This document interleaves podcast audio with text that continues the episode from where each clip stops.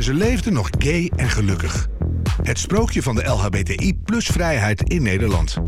In 2021 was er een hoop te vieren in Nederland.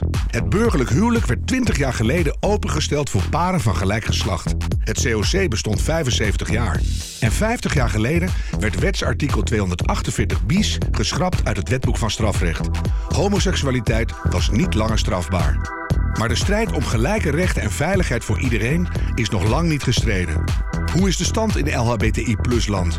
En wat moet er veranderen zodat vrijheid voor iedereen geen sprookje blijft? In deze podcast praat ik met ervaringsdeskundigen over hun leven. Wat ging er goed? Wat helemaal niet? En wat kan en moet er beter voor de LHBTI-plussers in Nederland?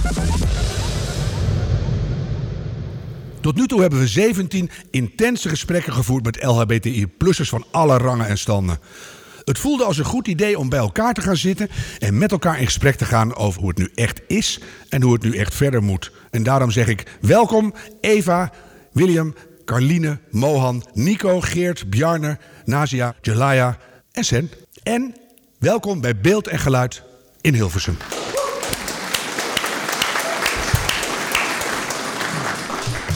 Wat gaat er goed en wat niet? Daarover gaan we het hebben in aflevering 18, 19 en 20. In aflevering 18 hebben we het over wat er allemaal goed gaat. In aflevering 19 en 20 over wat er niet zo goed gaat en erger.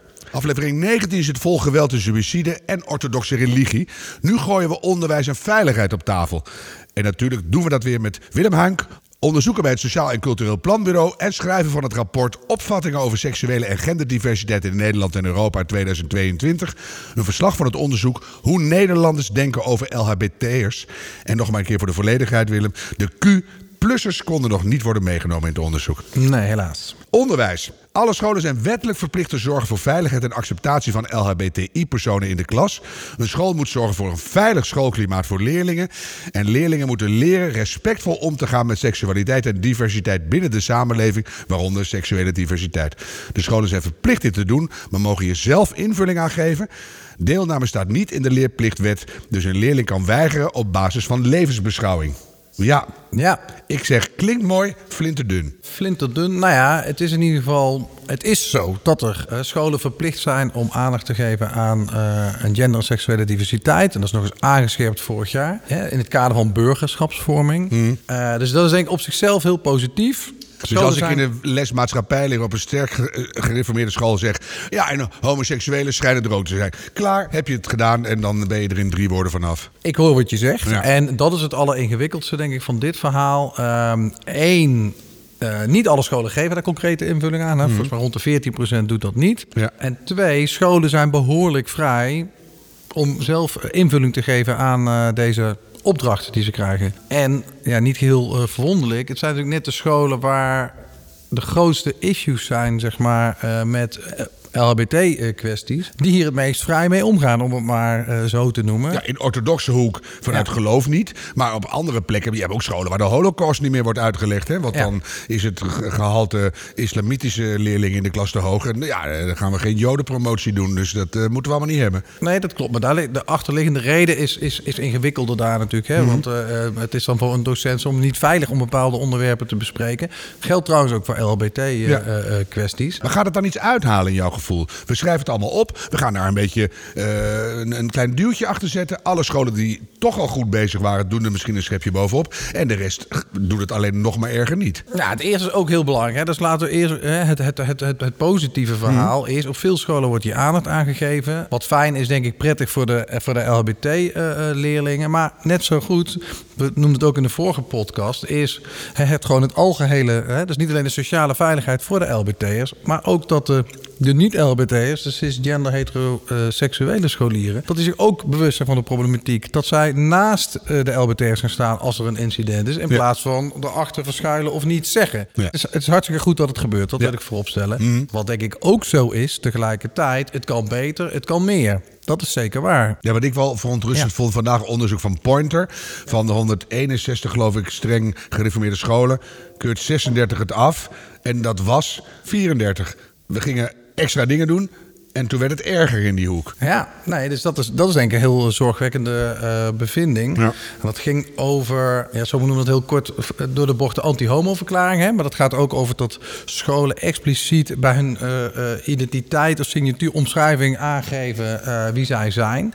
En er zijn dus ja, meer dan 30 scholen die expliciet dan daar opschrijven. Homoseksualiteit, niet. Nou ja, het, het ja. relaties zijn alleen binnen het huwelijk voor een man en een vrouw. Ja. Dat soort zaken. En, en ook over over gendernormen. Hè, wat is een man en een vrouw? Dan hebben ze een hele heldere. En dat staat gewoon al in publiek, zeg maar. Het is niet eens uh, verscholen. Nee, Nico. Mag dat volgens de wet? Klaar blij. Ik ben geen jurist, zeg maar. Nou, hè, ik dat zei zeg net, ik erbij. staat niet in de leerplichtwet. Ja. Als, als uh, vrijheid van onderwijs mag je, mag je nog steeds doen wat je wil, min of meer. Uh, heeft het ook te maken, Willem, met algehele veiligheid op scholen? Um, nou, nee, je ziet niet dat de laatste jaren de algemene veiligheid uh, of onveiligheid is toegenomen op scholen. Maar we zagen het wel en, um, dat dat voor LHBT-leerlingen wel zo ja, was. Dat vind ik wel verontrustend. Hè? En ja. ook de invloed van ouders. Er zijn bijvoorbeeld ouders die geen transgender docent voor hun kind willen. Ja, nee, dat klopt. Dus het kwam onder andere uit het onderzoek voor. Hoe kan je het verzinnen, hè? Even, tussen, even als mens. Ja. Dus niet Willem de onderzoeker, maar Willem als mens. Snap jij hoe dat werkt? Je hebt gewoon een superleuke leerkracht. Kan mij het schelen wat er ja. allemaal aan de hand is. En, en dan ben je toch blij met de docent. Niet of dat nou een transgender persoon is of niet. Ja, nee, ja, inderdaad. Dus Wil, Willem de een Mens... loodgieter kan mij het schelen als maar een goede docent is. Nee, tuurlijk. Dus Willem de Mens snapt dat heel goed. Maar Willem de onderzoeker probeert ook te begrijpen... hoe zit dat dan voor mensen die daar wel uh, issues mee hebben. En ja. om te beginnen, om maar te openbaren hoe groot het probleem is, zeg maar. En dan hoop je maar dat mensen dat uh, enigszins eerlijk invullen. Maar wat een van de dingen die daar uit de voorkwam uit het onderzoek... was inderdaad ongeveer 10% van uh, de, de mensen aangeeft van... ik zou daar een probleem mee hebben als mijn kind les heeft van een transgender uh, docent. En dan kun je denken 10%. Ja, wat is 10%? 90% niet. Maar 10% is hartstikke veel. Hè? Als je hebt een klas met 20, 30 leerlingen. Nou, zeg dan uh, 10% is 3 drie leerlingen. Ja. Maar goed, de meeste leerlingen hebben ook nog wel meerdere ouders. Dus gemiddeld genomen heb je het dan vaak over vijf of zes uh, uh, ouders die er echt issues mee hebben tot ja. hun kind les Dan heb je een hoop last in de klas. En dat hebben we het over het gemiddelde. Hè? Dat is soms geclusterd. Dus dan, ja, weet je, dat is gewoon de dagelijkse praktijk voor, ja. voor transgender docenten. Heb jij een idee hoeveel transgender leraren er zijn in Nederland? Is dat Geen bekend? idee, eerlijk gezegd. Nee, ik weet, weet het niet. iemand dat in de zaal? Geen, nee, dat, weet, dat soort rare dingen weten we helemaal niet. Dat is toch heel makkelijk optellen, zou je zeggen. Maar dat, uh, ik was zo benieuwd of die voornamelijk biologie gaven of niet. Dat weet, maar dat weten dat we weet ook niet, natuurlijk. Nee, maar weet jij zegt niet. dus heel makkelijk optellen, maar het, het staat niet over geregistreerd hè, van uh, wie, wie transgender is of niet. En, Wat ik eigenlijk ook heel goed vind. Nou, dat dus wat maakt zeggen. het uit. Maar ja, ja, voor dit gesprek is het wel even handig. Heb jij dat wel eens gehad, Sven? Dat de mensen zeiden, nou, jij mag mijn kind geen les geven? Toevallig laatst was dit een onderwerp op school waar heel veel over werd gepraat. Dus toen heb ik wel met uh, de kids die ik les geef, ik geef les op de basisschool, Aha. heb ik het uitgelegd. Maar ik heb het ook uitgelegd als, dat is alleen maar heel handig, want kinderen zingen heel hoog. Dus als je dan een mannelijke muziekdocent hebt, die zingt het dan heel laag voor. En die kinderen gaan allemaal, huh, huh, ik snap het niet. Jij dus komt ik, nog en ik zing het gewoon allemaal hoog voor. Dus ik zeg, jongens, het is alleen maar heel handig. Ik heb gewoon nog dat hele hoge bereik. Kan perfect voor jullie voor. Ja, eh, nog steeds? voor- Verandert dat nog of dat ja, hou je mijn, gewoon? mijn stem daalt nog wel, maar ik kan ook nog steeds heel goed, heel, heel hoog. Ehm, Ja, maar toen vertelde ook wel, ik, eh, van die coole gastjes geef ik les, die eh, had dat dan ook thuis verteld aan zijn ouders, dat dat heel handig was. Want Ja. meester Sven, die kan nog steeds bij het hoge bereik, want eh, die is geboren als eh, vrouw, dus dat is Ja. heel handig. Ja. Dus Maar zelf... Nog eh, nooit gehad? ik heb het zelf niet meegemaakt en ik werk ook wel op scholen met wel ook veel diverse geloven en religies, maar zelf heb ik dat niet. Nou, laten we hopen dat Nee. het zo blijft, hè? Dat hoop ik heel Ja. erg. Stel dat het nou wel een keer gebeurt. Ehm, wat, wat zou je dan denken? Is vrijheid van onderwijs belangrijker dan respect en vrijheid van alle inwoners en ook van alle docenten? Ik vind persoonlijk dat het vooral zou moeten gaan om de kwaliteit die jij levert als docent. Ongeacht. Hm. Maar dat is de, de, het redelijke standpunt. Maar dan komen er gewoon ouders. Ja. Ik wil dat gewoon niet voor mijn kind. Ja. Sta je dan? Als mens denk ik dan, ja, dan ja, zo- zoek een andere school. Ja, jij blijft, Ja, gewoon, zo- jij blijft zo- gewoon lekker zitten. Ja, ik- nou, dat vind ik heel verstandig. Ik ga nergens heen. Nee. Nee. nee. Mooi. Eén nuancering. Ja, Willem? Ja, zeker. Eh, twee, het, het- meerdere dingen. Maar één, Ja. misschien weten sommige kinderen of ouders weten het dus waarschijnlijk eerst als niet meteen. Hè? Heel dus dat, vaak dat niet. speelt Mhm. mee. Nee. Eh, en twee, wat ik ook al eerder zei. Soms heb je ook wel dat ehm, dan van tevoren denk ik, maar nee, dat zou ik heel erg erg vinden. Maar ja, als ze dan jou gewoon kennen als mens, als leraar, dan staat dat voorop. En eh, hè, jouw specifieke achtergrond. het is vaak zo, hè? dat hebben we het al eerder over gehad. Ja. Dat als er al een persoonlijke band met Ja. iemand of een groep is, Ja. is er eigenlijk niks meer aan de hand. En vanuit, maakt niet uit wat voor eh, Ja. oorsprong, heb je allerlei oordelen, meningen over groepen waar je helemaal niet vanaf te brengen bent. Ja. Dat is heel gek. Ja, en ik zei net, misschien een beetje hard zoeken aan een andere school. Maar je kan het inderdaad ook nog menselijk maken, inderdaad. Je kan natuurlijk ook gewoon in eh, gesprek gaan. Want heel vaak als je gewoon tegen, tegenover elkaar komt te zitten... en het gewoon echt er even over kan hebben... Ja. dan eh, kom je heel vaak toch wel een heel eind. Ja. Ja. Nou, het is toch mooi als het in een gesprek op te lossen valt, is altijd het beste. Ja. Dankjewel. Geert, wat wil je zeggen? Nee, ik wil eigenlijk aan Sven vragen, omdat hij net vertelde van die ene klas.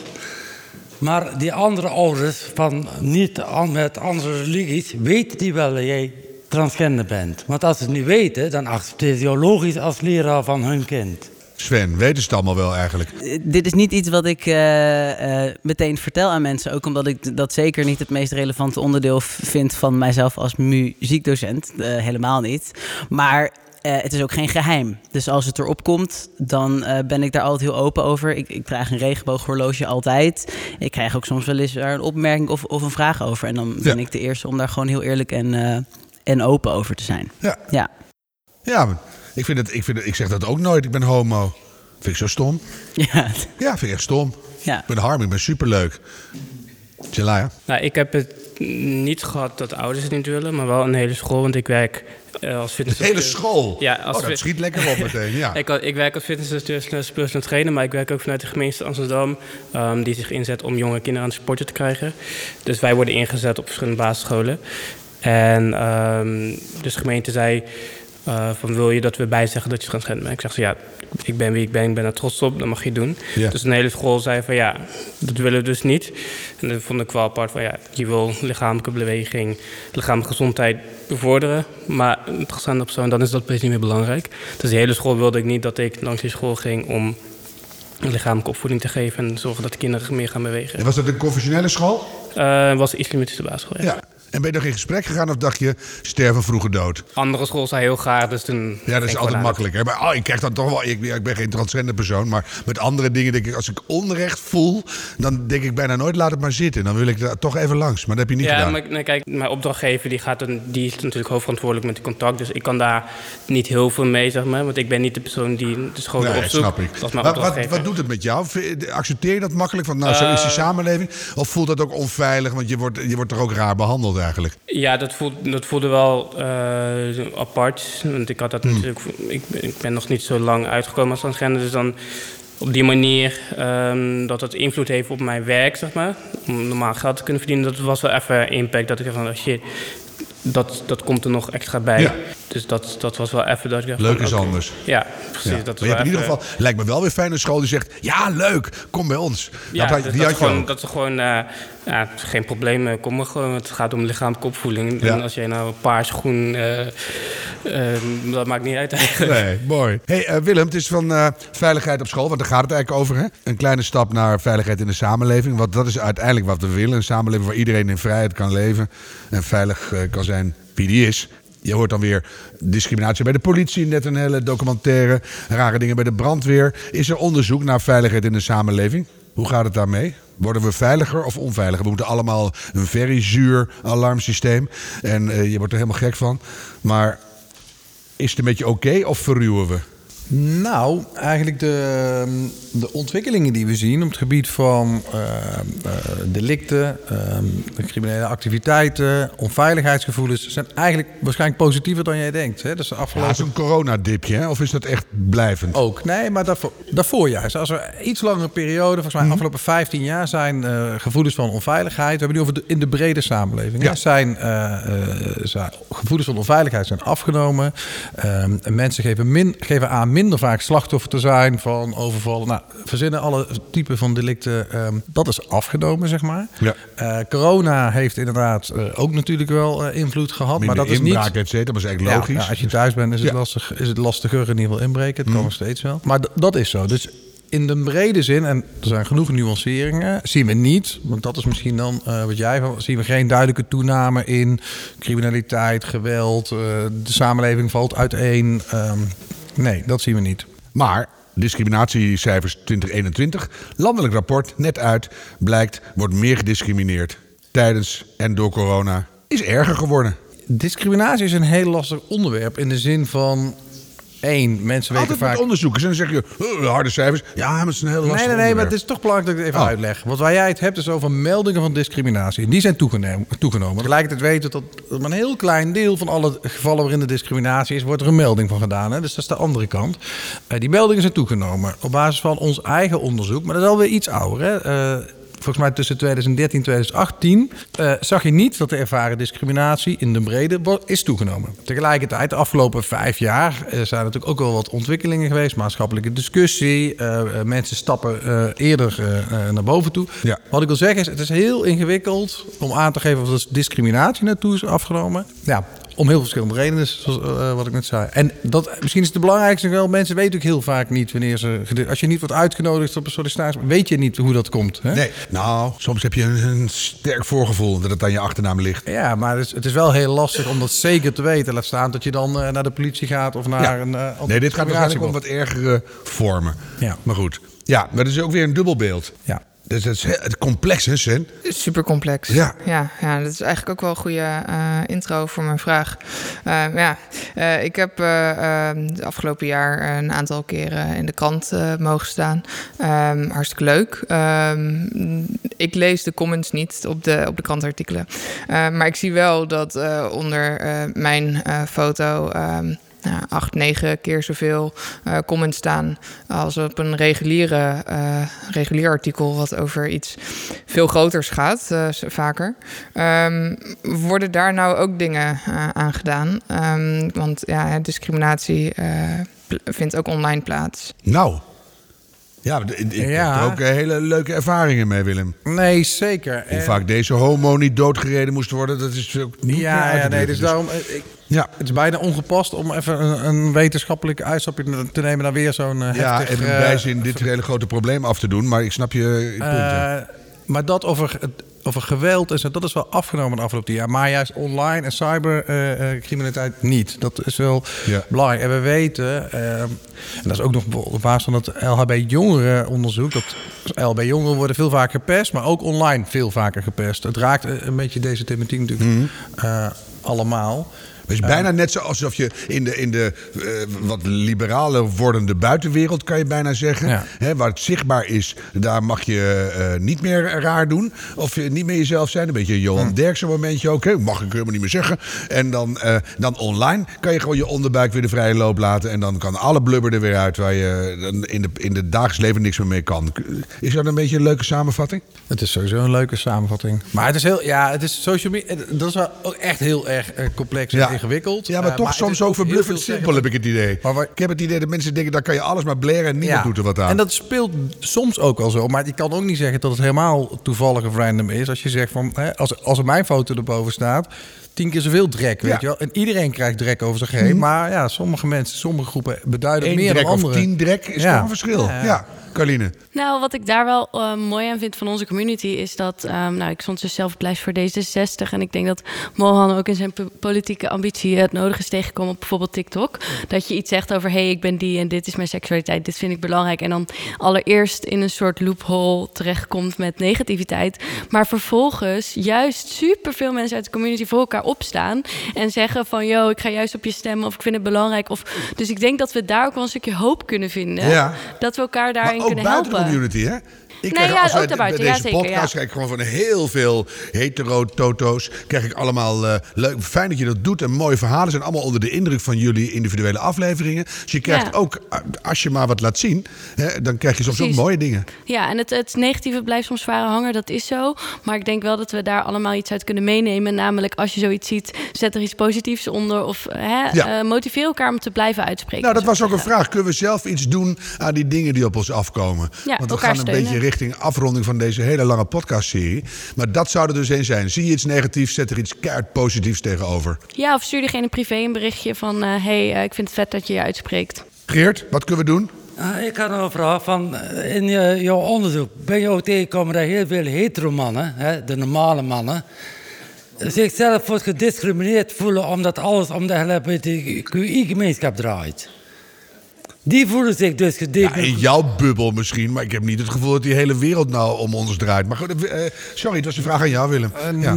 Het korte antwoord is nee, daar hebben wij eh, geen, eh, geen onderzoek naar gedaan. Maar misschien een beetje je onderliggende vraag. Dat zie je wel vaker, ook op het gebied van alles rondom diversiteit en multiculturele samenleving. Is er natuurlijk ook een, heel, is er een groep die, die, die, die heeft het idee in ieder geval van... Hey, mijn wereld verandert. En eigenlijk is dit, deze straat was van mij, ik herken niks meer. Dus verliesgevoelens, om het maar zo eh, eh, te noemen. eh, dat is wel bekend iets wat ook speelt ja, bij... eh, en echt niet alleen trouwens bij, bij mannen hoor, maar ehm, dat is wel herkenbaar. Ja, soms Ja. ook terecht. Want soms herken je ook niks meer. Dan kan je op zijn minst terecht zeggen: Ik herken niks meer. Dus de vraag hoe je daar dan Dat, mee om dat, moet dat gaan. is waar dan toch? Ja, zeker. Ehm, ik wil een beetje richting het eind van deze lange serie jullie twee dingen vragen. En iedereen mag erop reageren als hij zin heeft. Voelen jullie je veilig? Waarom niet? En eigenlijk ook wanneer heb je je nou super veilig gevoeld op een bijzonder moment de laatste tijd? Dus zijn we veilig? Voel je je veilig? En wanneer voelde je je nou echt heel erg veilig waar je dat misschien niet verwacht had? Ja, Eva. Ik heb me heel eerlijk, eigenlijk sinds mijn elfde jaar wist ik dat ik geen hetero was. Ik heb een hele rare tijd gehad eh, in groot materieel. En er liepen alle van die hele stoere mannen om me heen. Heel veel van die heel beide handen types, hè. Maar zeker als ze me niet kenden, dan had je van die beide handen opmerkingen. En daar reageerde ik altijd verkeerd op. Dan keer is dat nou een rare kerel? En dan kregen ze vaak wel een stoot van een ander op de werf van... Joh, dat is een mietje.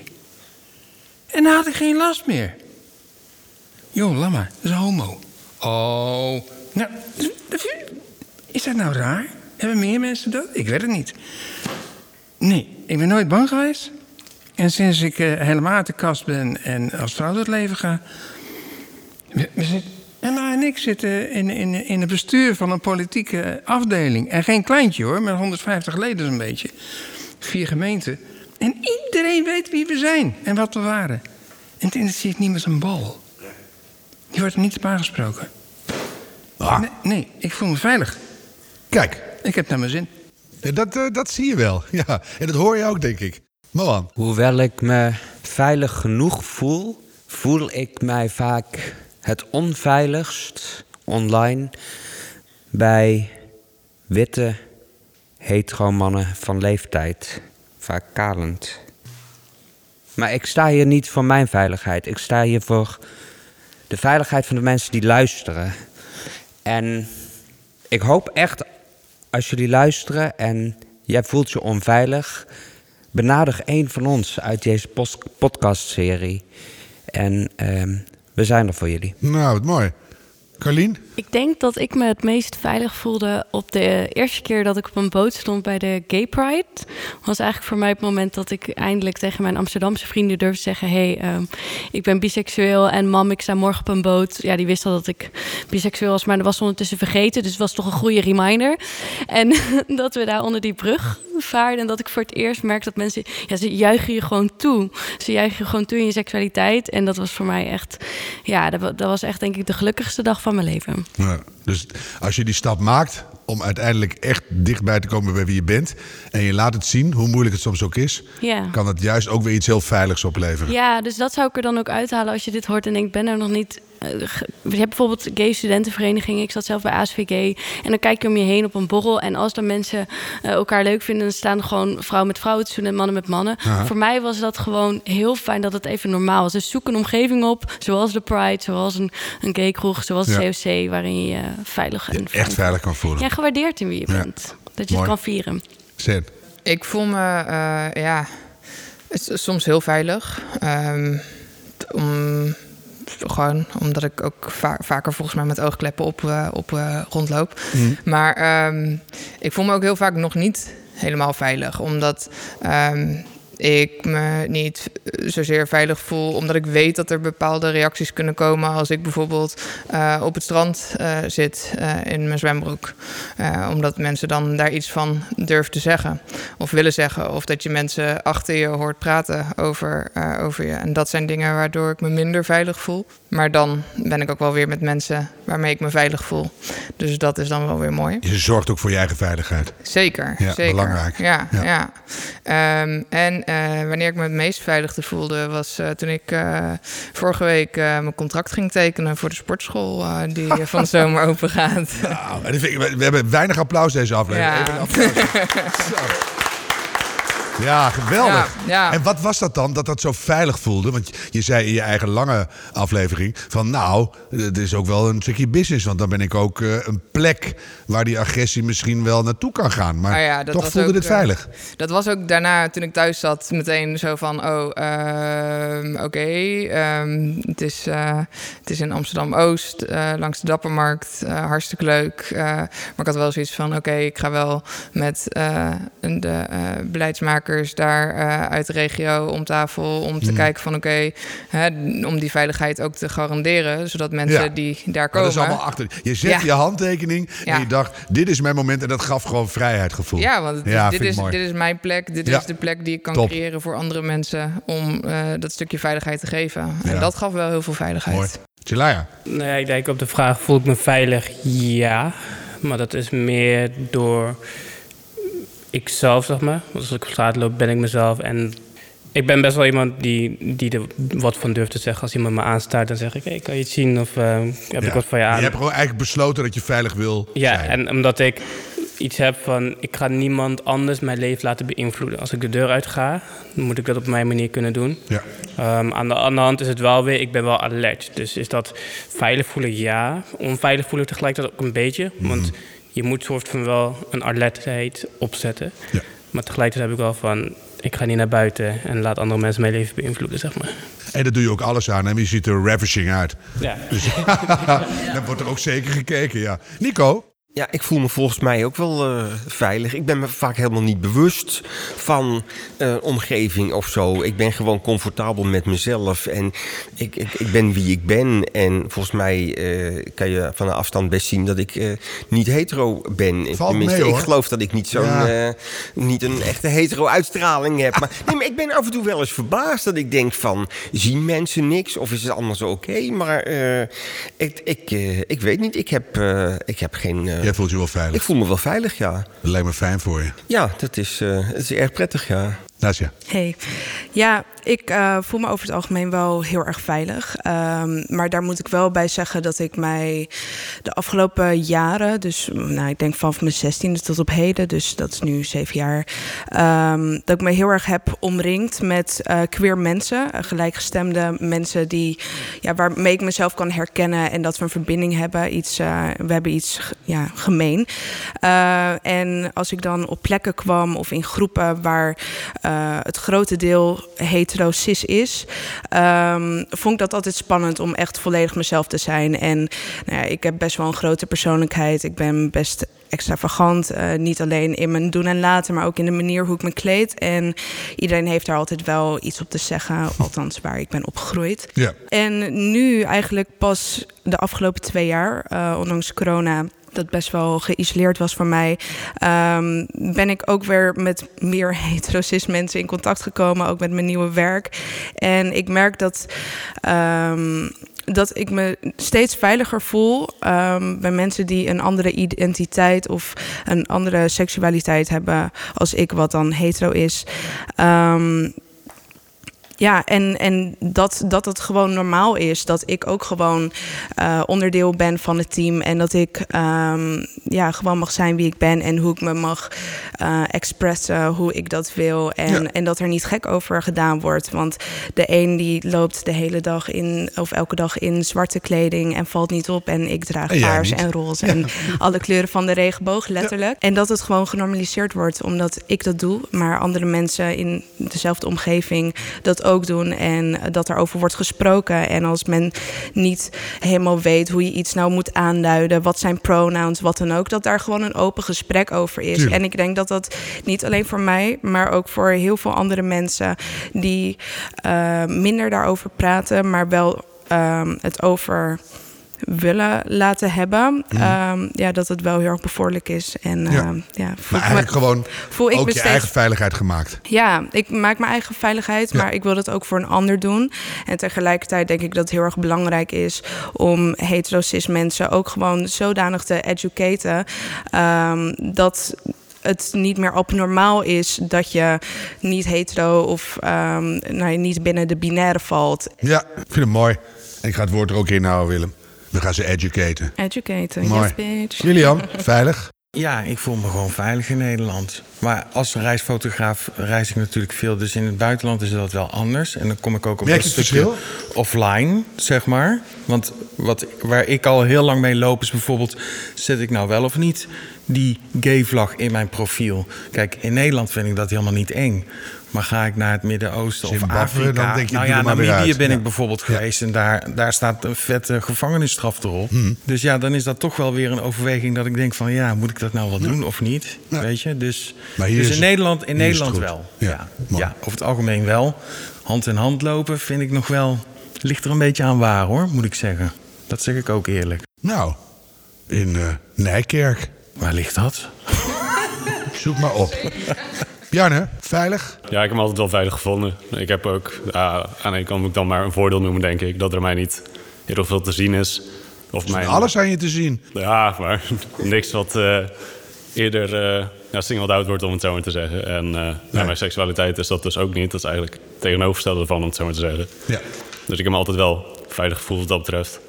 En het fijnste heb ik me eigenlijk Het kan ook zijn dat je in een gemeenschap komt waar het dan ineens over gaat. Waarom heb je geen vriendin? Of waarom heb je dit niet? Of Dat het dan ineens heel onveilig wordt. Hè? Ik heb me nou nooit onveilig gevoeld. Het is meestal ook omdat mensen het eigenlijk niet eens begrijpen. En dan laat het maar gewoon gaan. Ja. En dan, ja, dat doet mij dan verder, ja, zeker voor mijn veiligheid niet heel veel. Nee, dus daar maak je je geen zorgen om. Nee. Blij voor je. Ja, dank je. Dankjewel. Geert. Ik heb me eigenlijk nooit onveilig gevoeld, omdat ik, ja... In feite, wat ik had, is altijd verzwegen geweest. Dus eh, de, het, niemand wist het. Ja, er was met jou niks aan de hand. Nee, ik ben eigenlijk opgegroeid voor de buitenwereld als een normale man. Ja. Het enige onveiligheid vroeger van pesten of eh, andere jongens die jou niet moesten, die van de fiets afstampten bijvoorbeeld. Maar ja, daar hoorde gewoon bij. Dat, was, dat is gewoon een normale hetero-gemeenschap. Ja, daar, daar hebben ze ook heeft akkefietjes niks onder elkaar. hè? met de LHBTQI-gemeenschap Nee. te maken. Dus ik ben al veilig geweest. Nou, hou dat, hou dat vol, zou ik zeggen. Hebben we iedereen gehad? Ja, je bent nou volwaardig lid geworden van de podcast Ik er community. inmiddels helemaal bij. Ja. Ja. nee, ik voel mij eh, zeker heel erg veilig Nou eigenlijk. ja, want het is, ik vind het eigenlijk wel mooi dat jij als laatste naar voren stapt. Want toen Carlien het over jou had in haar podcast... jij bent de persoon die van de roltrap afgesodemieterd werd. Ja, Ik heb ooit klopt. een baksteen door mijn winkelruit gehad... van het huis waar ik woonde, lang geleden. Ik weet nog hoe bedreigend dat was. Ja. En ik ben echt vrij snel daarna gaan verhuizen. Ik denk, dit gevecht ga ik nu niet winnen op dit Ja. moment in de tijd. Ja, Wat knap dat jij dan zegt, ik voel me eigenlijk heel veilig. Ja, dat, dat is ook echt oprecht zo. En eh, dat was heel heftig toen dat is gebeurd. Dus ik wil ook zeker niet aan voorbij gaan dat ik daar echt wel ook wel een paar maanden heel verdrietig om ben geweest. En ook wel van geschrokken. Maar als ik hier nu sta en jij stelt die vraag, dan denk ik meteen ja, ik voel me wel veilig. Hoe komt dat dan? Want jij zou alle redenen in huis hebben om je niet veilig Ja. te voelen. Dat heeft denk ik heel erg te maken met eigenlijk de hoeveelheid ervaringen die ik ook heb, die allemaal zo positief zijn. Ik heb superveel vrienden, eh, familie, vriendin en ook eh, in mijn werk voor het COC, waar ik heel veel scholieren tegenkom, die ook Mhm. altijd niet altijd heel positief zijn. Maar ja, uiteindelijk is het aantal ervaringen die positief zijn, die, daar heb ik er zoveel meer van. Ehm, dus zeker binnen een land als Nederland voel ik mij absoluut wel veilig. Ik vind het een mooie laatste zin. Zullen we hem daarmee afsluiten? Ik ga jullie allemaal bedanken. Ik eh, denk, ik hoop dat alle twintig afleveringen door heel veel mensen worden beluisterd. En dat die net zo gegrepen worden door jullie verhalen, door jullie worstelingen, door jullie moed en door jullie doorzettingsvermogen. En door al het moois wat jullie met iedereen gedeeld hebben. Dank daarvoor en eh, hou vol. Beeld en geluid, dank voor het veilige onderkomen en alle mooie regenboogkleuren op de gevel.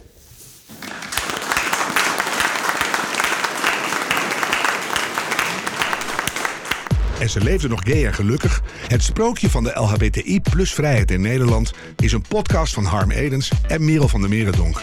Techniek, montage en adviezen Jacob de Vries.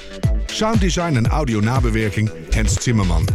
Met dank aan Harm Wesselink en Maarten Westerveen. Wil je niets missen van onze podcast? Abonneer je dan. Vind je gay en gelukkig de moeite waard? Schrijf dan een recensie of geef ons meteen 5 sterren. Dan kunnen anderen deze podcast beter vinden. Dankjewel.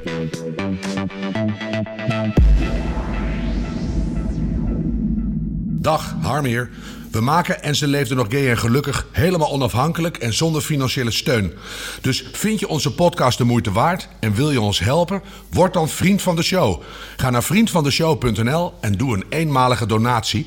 Met jouw donatie dekken we onze kosten en kunnen we misschien een vervolg maken.